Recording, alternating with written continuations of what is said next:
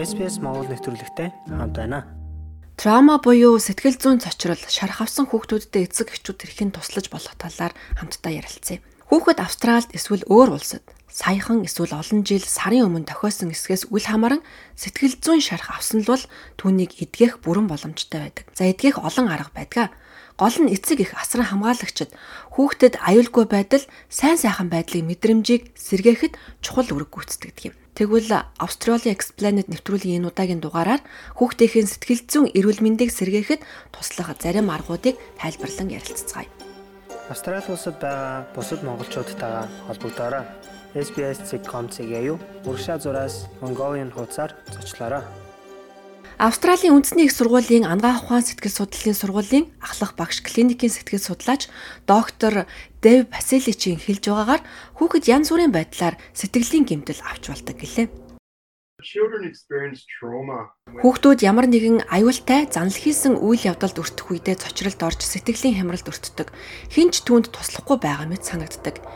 Ийм хүчтэй цохилтонд байгалийн гамшиг автомашины осол, дайн, элдв хүчирхийлэл мөн асран хамгаалагчаас нь салахад хүүхдийн сэтгэл зүй шархалдаг юм а.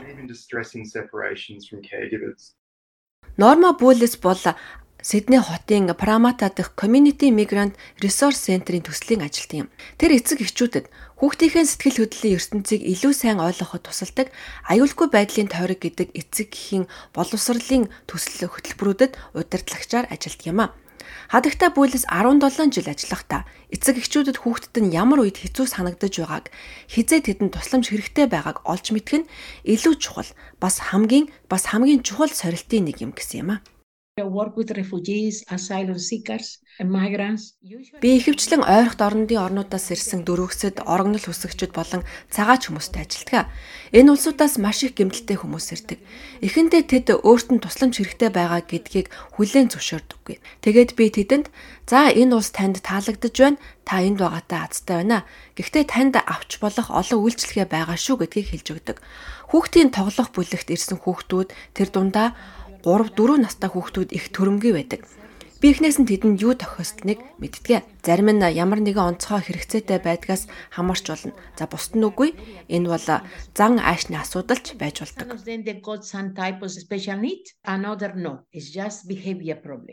Сэтгэл зүйн шарах ялангуяа хүүхдийн өсөлтийн чухал үе шатанд тохиолдсон бол тархины бүтэц үйл ажиллагаанд ихээхэн нөлөөлдөг гэж доктор Фацилич ярьсан юм аа. Хүүхэд цочролд өртөх үед э, дэлхий бүхэлдээ оргонгоор оёргдаг. Тиймээс өмнө нь аюулгүй байсан зүйл одоо аюултай, аимшигтай болсон мэт санагддаг. Гэмтэл нь хүүхдийн тарих, нийгэм сэтгэл хөдлөлийн хөгжилд өсөргөөр нөлөөлдөг гэдгийг бид мэднэ урт хугацааны сайн сайхан байдалд ч нөлөөлнө. Тиймээс ерөнхийдөө гэмтэл нь хүүхдийн хэрхэн биеэ авч явах, хэрхэн сэтгэх, хэрхэн мэдрэх, заман бусдад харилцах харилцаанд нөлөөлдөг. Гэмтэл шархнаас болж хүүхэд маш их цаг алдаж эргэн тойронд байгаа аюулаас хэд их аюулыг олж мэдэрдэг. Энэ нь тэднийг аюултай, айдастай байдалд хүлдэг юм. Тархины лимбийн систем ялангуяа амигдал нь болзошгүй аюулд илүү мэдрэмтгий болж айдас төгшүүрийн хариу урвалыг нэмэгдүүлдэг гэж тэрээр үргэлжлүүлэн тайлбарллаа. Урт хугацаагаар тараамууд байсан хүүхдүүд тарих болон бие махбодоо survival mode буюу амьд үлдэх горимд шилжүүлсэн байдаг. Тэд нөхцөл байдал байнгын аюул дасан зохицохын тулд ингэдэг. Тиймээс хэрэг хүүхэд гэр бүлдэх хүчирхийлэлт маш их өртдөг бол хүчирхийлэл гараагүй байсан ч өдрийн ихэнх хугацаанд бие нь илүү мэдрэг хэд цонор сэрэмжтэй болдог гэж ойлгож байна. Тэгвэл эцэг их асран хамгаалагчид бид юу хийж чадах вэ? Эцэг их багш нарыг дэмжих хөтөлбөрт 14 жил ажилласан туршлагатай зөвлөх Мелани Дэв Холтс томчууд юуны түрүүнд өөрсдийн оюун санаа, сэтгэл санааны сайн сайхан байдлаар анхаарах нь чухал юм а хэмээн ярьж байна. Сэтгэл хөдлөлөө удирдах, тогтворжуулж чадахгүй байгаа хүмүүст хандаж хэлэхэд хэрвээ та өөрийгөө тайван байлгаж сураагүй бол хүүхдтэй хамт байх, төрүүлэх орчин бүрдүүлж чадаагүй байна гэж ойлгоорой. Миний хувьд байгаа энэ орчин бол тэдний байх газрын нэг хэсэг юм шүү гэдгийг хүлээн зөвшөөрөх явдал юм. Тэгээд би ямар байна гэдгээ нэг анзаараарай. Доктор Бацилич хэлэхдээ эцэг их асран хамгаалагчид хүүхдийн мэдрэмж хэрэгцээнд нийцдэг байх нь чухал юм гэлээ. Эцэг эхчүүдэд юуны төрөнд бидний нэрэлтгээр мэдрэмжтэй эцэг эхийн хүмүүжлэг ашиглах нь үнэхэр чухал юм. Хүүхдийн гаргаж байгаа зан авир тэдний юу хүсэж байгааг илэрхийлдэг учраас үргэлж сонирхож, сонжиж байх хэрэгтэй юм. Жишээ нь хүүхэд өөрийгөө аюултай орчныг урдчлан таамаглах аргагүй байгаа мэт санагдвал бие барьсан эсвэл төрөмгийн зан гаргадаг. Гэхдээ бид ийм бие барьж байгаад нь хариу үйлдэл үзүүлэхийн оронд хүүхдийн аюулгүй байдал нэн шаардлагатай байгаа хэрэгцээнд нь юу хийж чадхаа боддог байх ёстой. Гэртээ аюулгүй тогтвортой орчин бүрдүүлэх нь бас чухал юм хэмээн доктор Басилич тайлбарллаа. It's also important for parents to provide safe Эцэг эхчүүдийн харилцаа, гэр бүлийн орчин, амьдралын хэм маяг аюулгүй тогтвортой байх нь чухал. Гэр бүлийн энгийн хөвшилтэй болж түүнийгээ дагаж мөрдөх нь таны хүүхдийн амьдралын хэм маягийг бий болгож аливаа зүйлийг урьдчилан таамаглах боломжтой. Аюулгүй байхлахад тусалдаг. Дараа нь эцэг эхчүүд хүүхдтэйгээ цагийг өнгөрөөж энэ хугацааг маш эрхэм нандин байлгах хэрэгтэй. Тиймээс хүүхдтэйгээ аюулгүй найдвартай харилцаатай байх нь сэтгэл зүйн гэмтлийн дараах хамгийн чухал авах арга хэмжээ юм. Хүүхдээ эдгэхэд туслахын тулд та өөрөө тайван хайраар дүүрэн харилцааг бий болгоорой. Олон хүүхдийн сэтгэлийн шарах байгалийн жамаар эдгэрдэг.